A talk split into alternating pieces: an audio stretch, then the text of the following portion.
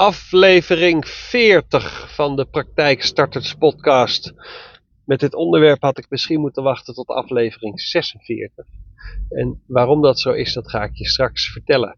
Dit wordt een um, pittige podcast uh, die letterlijk over leven en dood gaat. Uh, die erover gaat dat uh, je moet vooral moet stoppen met wachten tot het juiste moment, want dat komt toch nooit. Dat heb ik al vaker gezegd. Uh, en dat je soms het idee hebt dat je nog alle tijd van de wereld hebt. En dan blijkt het ineens allemaal niet zo te zijn.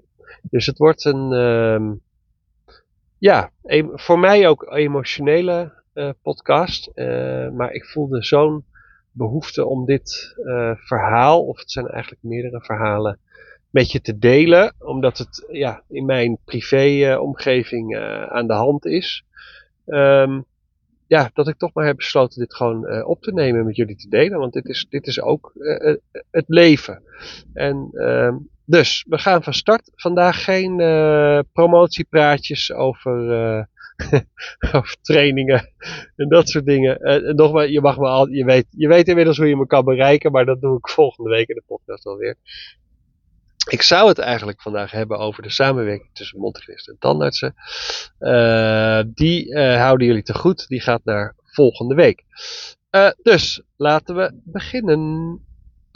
ik had maandag een piek en een dal. Daar ga ik mee beginnen. Mijn piek, nou ja, het was niet een onwijze piek. Maar ik had eindelijk weer eens contact met iemand die ik, die ik, die ik ken. Uh, dat uh, uit het verleden, toen ik nog in loondienst was, toen uh, werkte deze man bij een bedrijf waar wij zaken mee deden en daar, daar ken ik hem van. En hij was daar, um, hij werkte, het grappige is, hij heeft, hij heeft mijn baan ooit min of meer ingenomen. En dat klinkt zwaarder dan dat het is, maar ik heb in de twaalf en half jaar dat ik in loondienst was bij het bedrijf waar ik heb gewerkt, heb ik uh, in, in nee, volgens mij was dat in, ja, in 2016 heb ik uh, één keer extern gesolliciteerd. En dat was omdat ik toen tegen een burn-out aan zat. en ik dacht van nou, dit kan niet langer, hier, hier moet ik iets mee doen. En ik, ik ontdekte die burn-out omdat ik in op 11 september ook nog eens notabene. Uh, mijn, op zondag mijn, mijn blokketje in de tuin aan het schuren was. En, uh, en toen ik weer wakker werd stond er een ambulance voor mijn neus. En kennelijk was ik uh, oud gegaan, zeg maar, zonder dat ik dat zelf door had. Gelukkig had mijn hoofd net een, een, een enorme steen uh, gemist. Ehm, nou, ik werd er naar het ziekenhuis gebracht en uh, daar zijn allerlei onderzoeken gedaan, twee weken lang, door de neuroloog, de cardioloog en weet ik wie allemaal. Uh, en ze hebben het uiteindelijk, want ze dachten in eerste instantie in epilepsie, maar ze hebben het uiteindelijk afgedaan met een, uh, ja, gewoon een incident. En toen dacht ik, oké, okay, dit is gewoon een signaal van je lijf dat je even normaal moet doen. En toen ontdekte ik eigenlijk van, oh, ik heb eigenlijk mijn mijn grens steeds verlegd en eigenlijk een beetje te ver. En nou toen ontdekte ik dus dat ik, dat ik echt wel richting burn-out ging. Dus toen heb ik gesolliciteerd bij een bedrijf um, als in, in de managerspositie. En ik had daar een super gaaf gesprek. En toen werd ik na een week gebeld van joh, je, bent het, je was, onze, je had, was onze voorkeurskandidaat. Uh, maar je bent het niet geworden, want uh, we hadden een interne kandidaat en een interne kandidaat moeten we voor laten gaan. Nou, dat was dus deze man. Jeroen heet hij. En uh, ik zal hem bij zijn naam noemen, dat is makkelijker.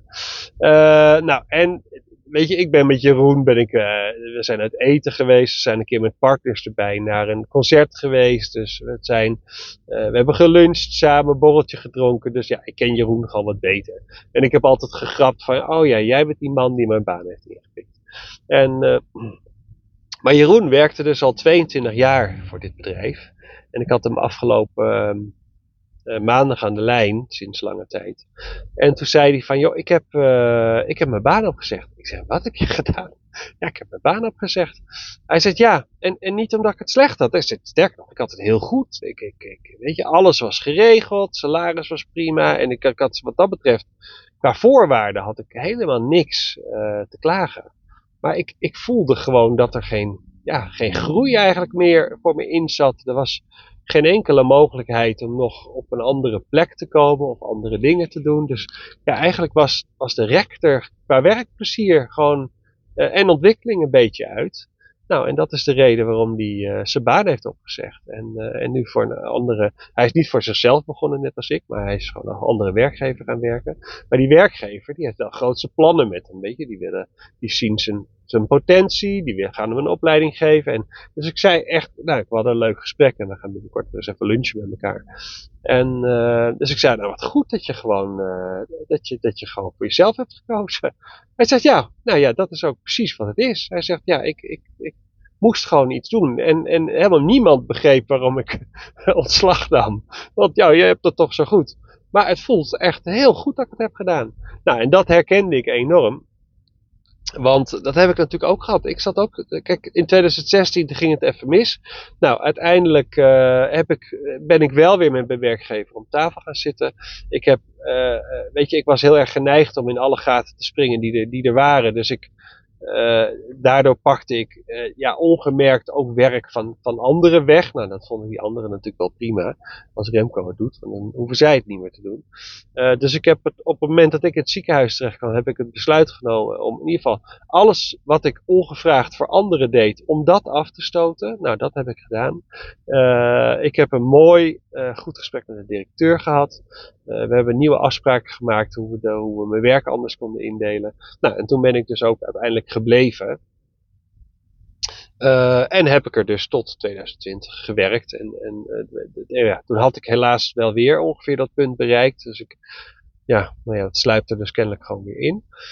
Um, nou, en nu heb ik wel, ja, eigenlijk daad bij woord gevoegd en heb ik inderdaad mijn baan uh, opgezegd. En ben ik dus voor mezelf begonnen, omdat ik gewoon de drang vond om dat te gaan doen. Nou, zo kan het dus ook. Uh, maandagmiddag kreeg ik een appje van een vriend van mij, van joh, heb je tijd om even te bellen? want ik heb iets om te delen. en het is niet leuk. Uh, nou, deze vriend, uh, ik, ik zal hem ook bij, bij naam noemen. Voor de rest vertel ik uh, niet heel veel persoonlijks, want hij, hij zit nog in het traject. Maar deze vriend, Maarten heet hij, die, ik heb ooit hotelschool gedaan. ja, ja, ja, ja. Um, een heel verhaal hoe ik dan hier terecht ben gekomen. Maar goed, dat is, als je dat heel graag wil weten, dan vertel ik je dat nog wel een keer. Maar dan wel persoonlijk. Misschien maak ik ooit een podcast over, maar dat denk ik niet, maar goed. Uh, dus Maarten, die ken ik sinds 1993. En uh, Maarten is, is net als ik, 46. Ehm, wij zijn samen op vakantie geweest. nee, dat was meer een zuipvakantie naar, naar Isla Margarita in Venezuela. Dat, volgens mij was dat in 98 of zo. wij zijn samen een paar keer weekend naar Antwerpen geweest. Uh, ook daar uh, vloeide de alcohol uh, rijkelijk. dus, dus ik heb behoorlijk wat, wat nou, in ieder geval redelijk aangeschoten momenten met Maarten meegemaakt. Nou, verder, Maarten die, die, is, is verhuisd naar Lelystad op een gegeven moment met zijn toenmalige partner. Uh, nou, en daar ontdekten we dat de huizen daar heel goedkoop waren. Dus ik ook naar Lelystad met mijn toenmalige partner. En uh, ja, nou heel eerlijk, ik kon mijn draai nooit echt vinden in Lelystad. Maar ik heb er wel acht jaar gewoond. Maar toen, toen het uitging met mijn toenmalige relatie. Uh, en ik ontmoette Carola, mijn, mijn huidige vriendin. Toen ben ik naar Alkmaar verhuisd, want daar, uh, daar woont Carola. En daar woon ik dus nu ook, al 14 jaar inmiddels. En, uh, maar goed, Maarten die is ook weer verhuisd. Uh, die woont ook niet meer in Lelystad, dus we zijn er allemaal weg. Maar, um, ja, en kijk, je krijgt je krijgt een relatie, je krijgt kinderen, je gaat weer wat verder uit elkaar wonen. Dus, dus de laatste tijd spraken we elkaar niet heel veel.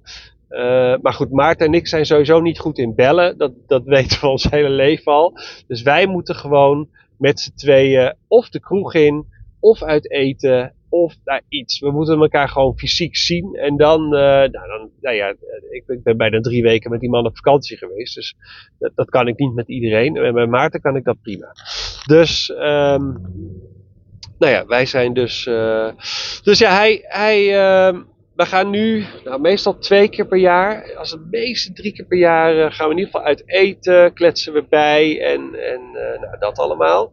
We wonen ook niet bij, we zitten ongeveer anderhalf jaar uit elkaar uh, weg qua, qua wonen.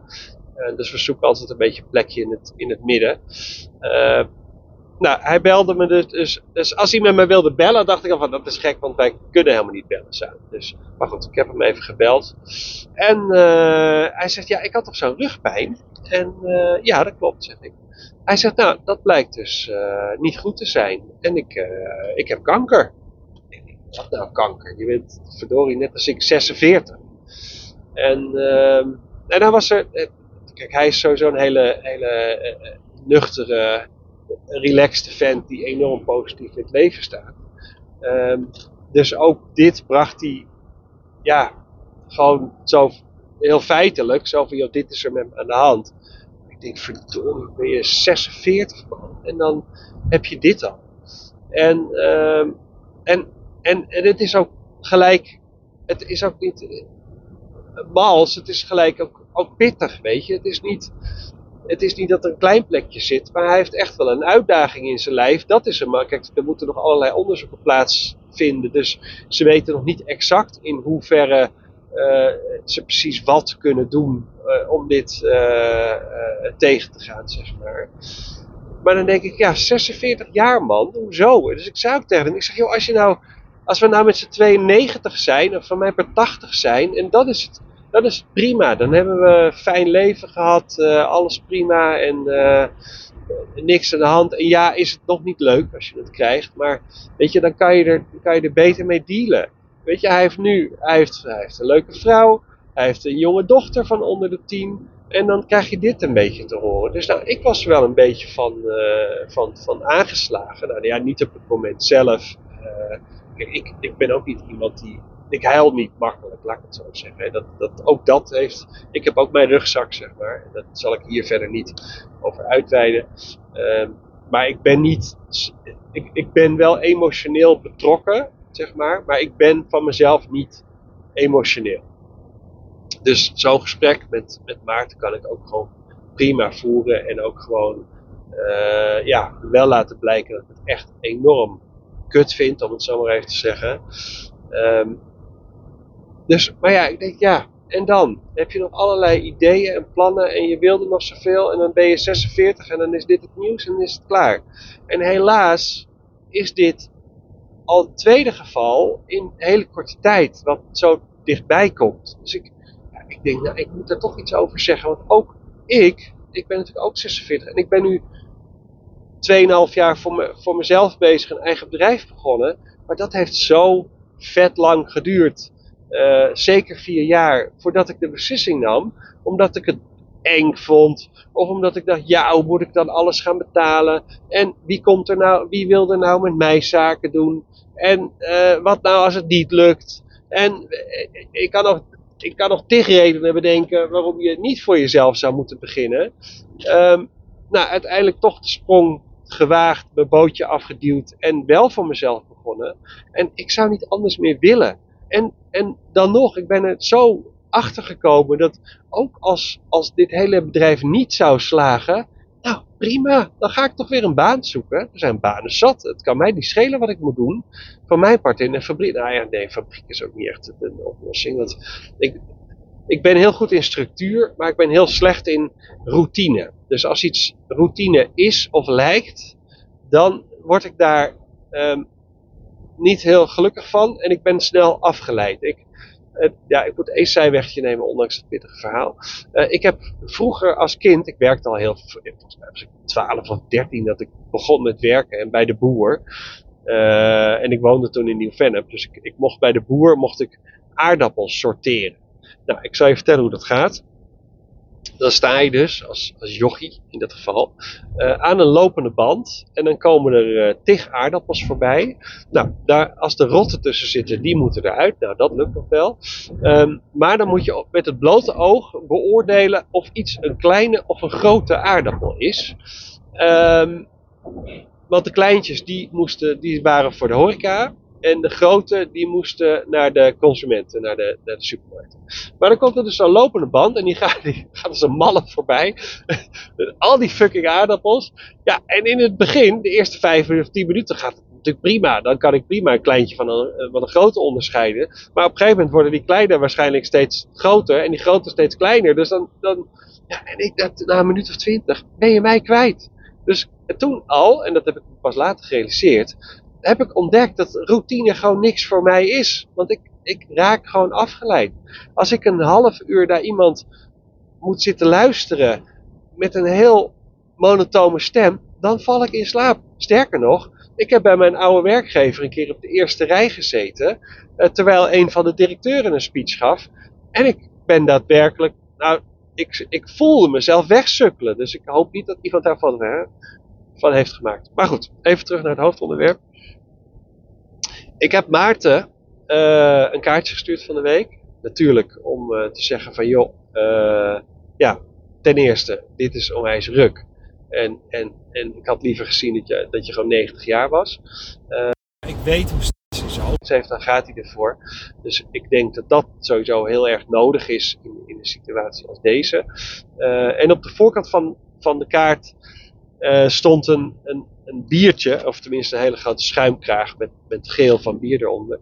En ik heb er bijgezet van dit, het biertje op de voorkant, dat, dat staat niet symbool voor de, voor de heel veel biertjes die we samen hebben gedronken, maar het staat symbool voor de heel veel biertjes die we nog gaan drinken met elkaar.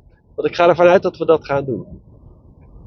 En, uh, nou ja, en dat, dat, dat grijpt me dan toch aan. En om, daarop door te pakken, want het is dus al de, de tweede situatie. Vorig jaar, uh, nou nee, ik moet even, even concreter zijn.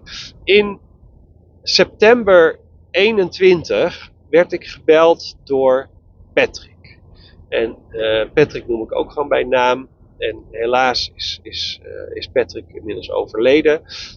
Dus dat, dat zou ik erbij zeggen. Patrick is een soort grote vriendelijke reus. Hij was een collega van mij. Uh, ik heb de laatste twee jaar van mijn, uh, van, van, van mijn loondienstbaan, zeg maar, heb ik enorm intensief met Patrick samengewerkt. En Patrick was een grote fan, net als ik, 1,90 meter. Misschien nog, kijk, ik zit al tegen de 100 kilo aan, maar Patrick zat ook wel niet. Dus als wij met z'n twee binnenkwamen, dan kwam er wat binnen. Maar Patrick had ook nog eens een enorm luide stem. Uh, en hij had er geen moeite mee om die ongeveer aan iedereen te laten horen. Hij was onwijs uh, felle donder, was hij zeg maar. Als hij het ergens niet mee eens was, dan liet hij dat ook blijken.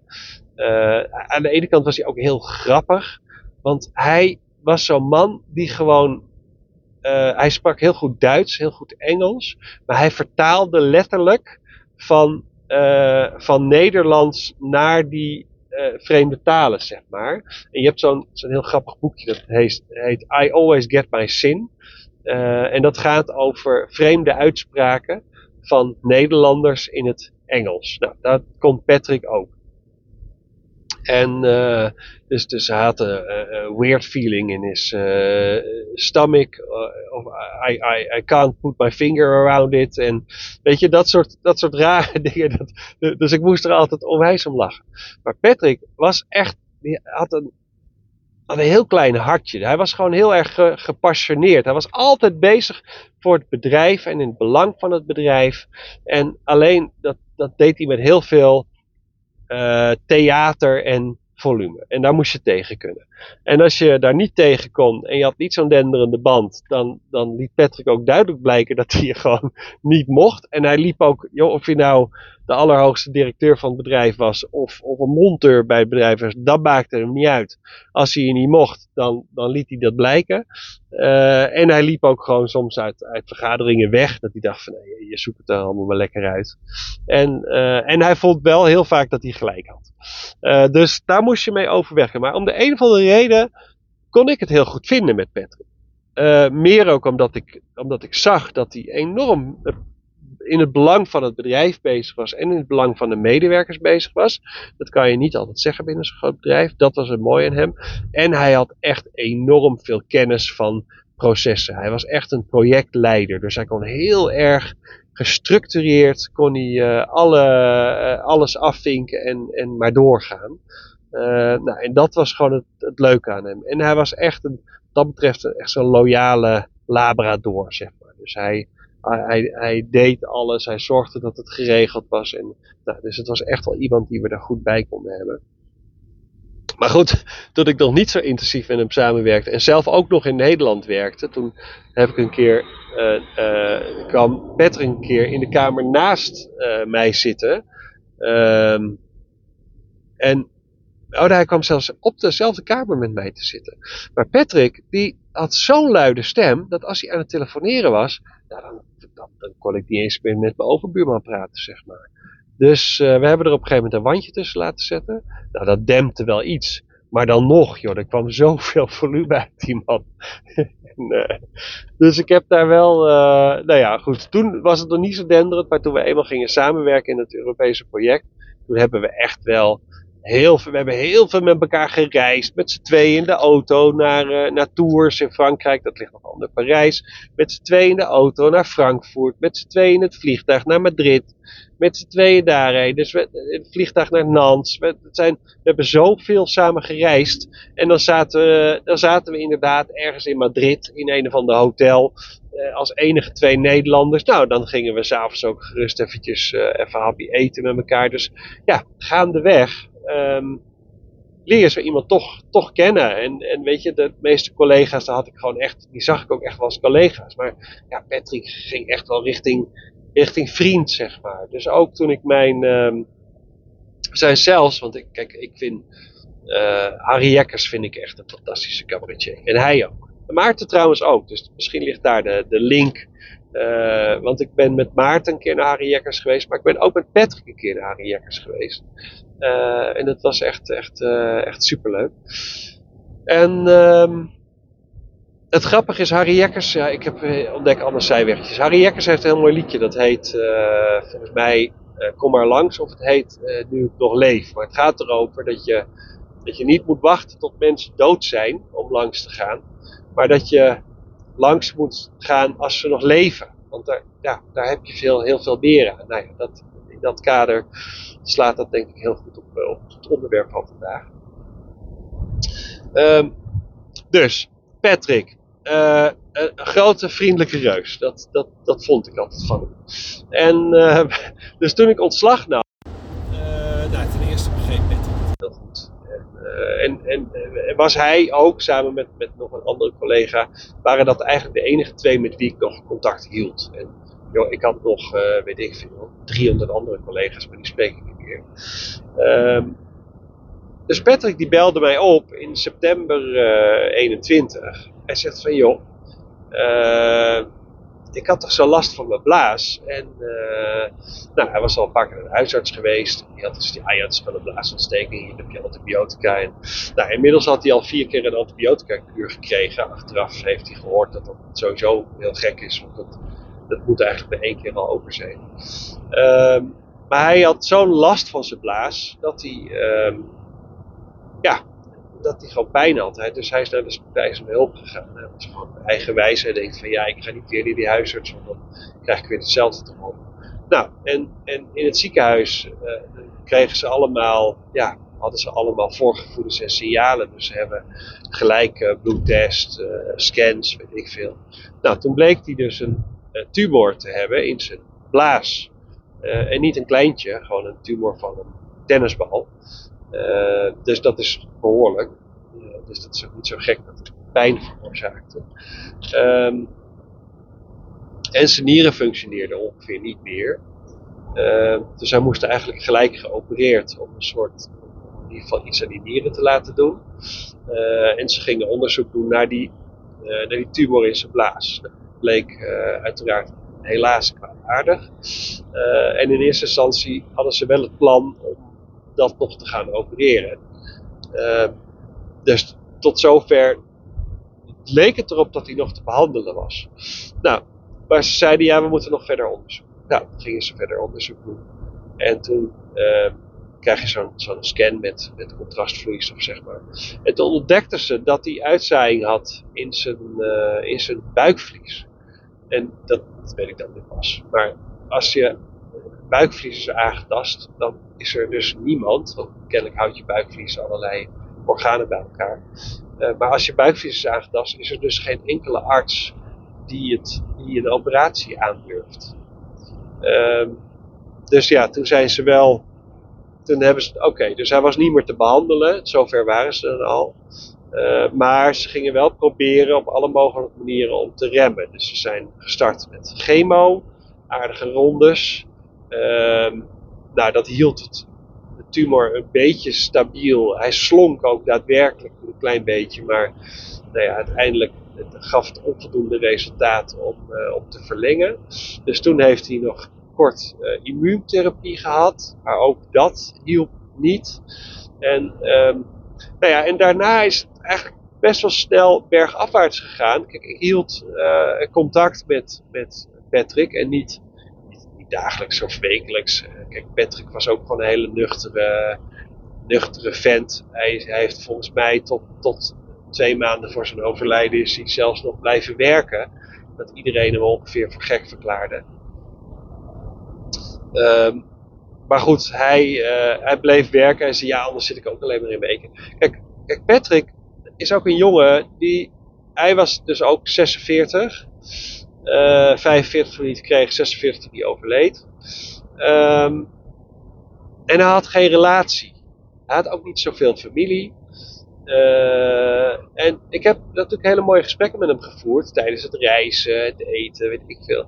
En Patrick heeft zich gewoon zijn hele leven lang ja, eigenlijk rot gewerkt. Zijn werk was uh, alles. En daarnaast ehm, had hij ook zijn papieren. Hij, hij zorgde in het weekend voor jongeren met autisme, zeg maar. Dat, dat deed hij dan, zodat dan de ouders en eventueel het broertje en het zusje wat dan niet autistisch is, um, even een weekendje rust hadden en andere dingen konden doen, zeg maar. Dus nou, dat, dat deed hij als ja, soort passie, hobby, deed hij dat erbij. Dus dat, dat was een beetje zijn, zijn familie en, en zijn, zijn vrienden. Maar een relatie had hij niet. En hij heeft wel eens een relatie gehad, maar omdat hij zo uh, ja, eigenlijk behulpzaam is, trok hij ook vaak vrouwen aan met een enorme rugzak. En dat, dat werkte dan weer niet. Dus dat, ja. Maar goed, hij had de hoop niet opgegeven. Hij zegt van joh, mijn tijd komt wel. Ik ga nog wel een keer vrouwen ontmoeten die, um, uh, waar ik de rest van mijn leven mee kan delen. En joh, kijk, hij had inmiddels, hij had heus wel kinderen gewild, maar dat had hij weet je, hij was wel zo realistisch. Hij ja, kinderen, dat gaat hem niet meer worden. Maar als ik nou een vrouw ontmoet die al kinderen heeft, dan is dat ook goed. Weet je, daar heb ik ook, uh, kan ik prima mee overweg. Nou, dat, dat is hem dus allemaal niet gegund. Dus ik denk, ja, dan ben je dus 45. Dan denk je dus, ik heb alle tijd van de wereld, mijn tijd komt nog wel, ik ga lekker door met werken. En dan krijg je ineens de diagnose uh, blaaskanker. Uh, vervolgens gaat die, die, die blaaskanker ging bij hem echt als een malle woekeren. Dus kijk, ik ging af en toe bij hem langs. En dan ging ik gewoon een dagje bij hem werken. Dan nam ik mijn laptop mee en hij wifi. En dan haalde ik even lekker een broodje vette zalm. Want op een gegeven moment at hij ook ongeveer niks meer. Dus ik denk, nou, er moet vooral vet naar binnen. Uh, want hij viel als een malle af natuurlijk. Uh, en dan vond hij gewoon gezellig. Hij zegt, joh, als zit je hier gewoon de hele dag een beetje te werken. Ik vind het alleen al leuk dat er gewoon iemand is. En prima, dus ik ben een paar keer bij langs geweest. En dan nam ik lunch mee. En dan aten, ging ik even een tatje halen of zo, s'avonds. Nou, en dan weer naar huis. En we belden met elkaar. En uh, nou ja, op die manier hield ik in ieder geval contact. En, en zijn laatste weken heeft hij in een hospice uh, doorgebracht. Uh, want het, ja, het ging gewoon niet meer thuis. Weet je, hij gegeven moment zaaide het uit, daar, met name zijn botten, maar had ook zijn long een plekje en zijn lymfen waren aangetast en alles was aangetast. Nou ja, en, en ik heb hem denk ik voor het laatst gesproken een maand voordat hij overleed. Hij is afgelopen september overleden, dus precies een jaar nadat hij de diagnose had gekregen. Um, toen was hij echt, hij was zo dun geworden en en inderdaad, ingevallen ogen. En, het, ja, en, hij, hij bleef, dat was echt wel leuk. Hij bleef tot het einde gewoon energie houden in zijn stem. En die kracht had hij nog steeds. En, en hij, eigenlijk heeft hij ook nooit opgegeven. Maar die maand eh, zeg maar, voordat hij overleed. En daarna heeft hij echt een paar behoorlijke ongelukjes gehad. En ging het echt bergafwaarts. Ehm, maar die, die maand, uh, ik ging dat was net voordat ik op vakantie zou gaan. Ik denk, nou, ik bel Patrick nog even om te vragen hoe het is. Uh, en dan spreek ik hem na mijn vakantie wel weer. En ik, bel, ik ging hem geloof ik op 5 augustus op vakantie, dus ik belde hem op 4 augustus. En uh, hij zegt van, nou, ik, hij zegt, ik ben er nu wel klaar mee. Hij zegt, ik kan echt, echt niks meer. Ik, ik lig in bed, ik kan niet opstaan. Uh, mijn botten zijn broos. Dus ze hebben al gezegd, ja, probeer nergens kracht te zetten. Want de kans dat je bot breekt is gewoon gigantisch. En dat is dus ook op een gegeven moment gebeurd. Uh, dus hij zegt, ja, ik, ik ben nu wel, uh, hij zegt, ik ben er nu klaar mee. En dat was eigenlijk voor het eerst dat ik hem, um, nou, dat hij zijn hoofd liet hangen, zeg maar. Dan denk ik, je hebt, verdorie, je hebt je zo hard gevochten een jaar lang. En je bent helaas 46 pas, mijn leeftijd. En dan is het gewoon klaar. Nou ja, in september was het dus ook klaar. En ja, en, en is hij overleden. En uh, nou, oké, dat kan een keer gebeuren. Dat dacht ik ook.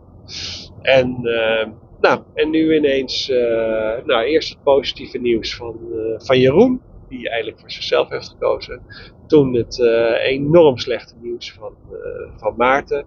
En ik, ja, ja, alles wat ik kan doen, dat, dat ga ik eraan doen om, om hem hierbij te ondersteunen. Dat, dat, weet hij ook. Dus ik denk dat ik binnenkort ook bij Maarten gewoon maar even een dagje ga zitten werken. om in ieder geval in de buurt te zijn.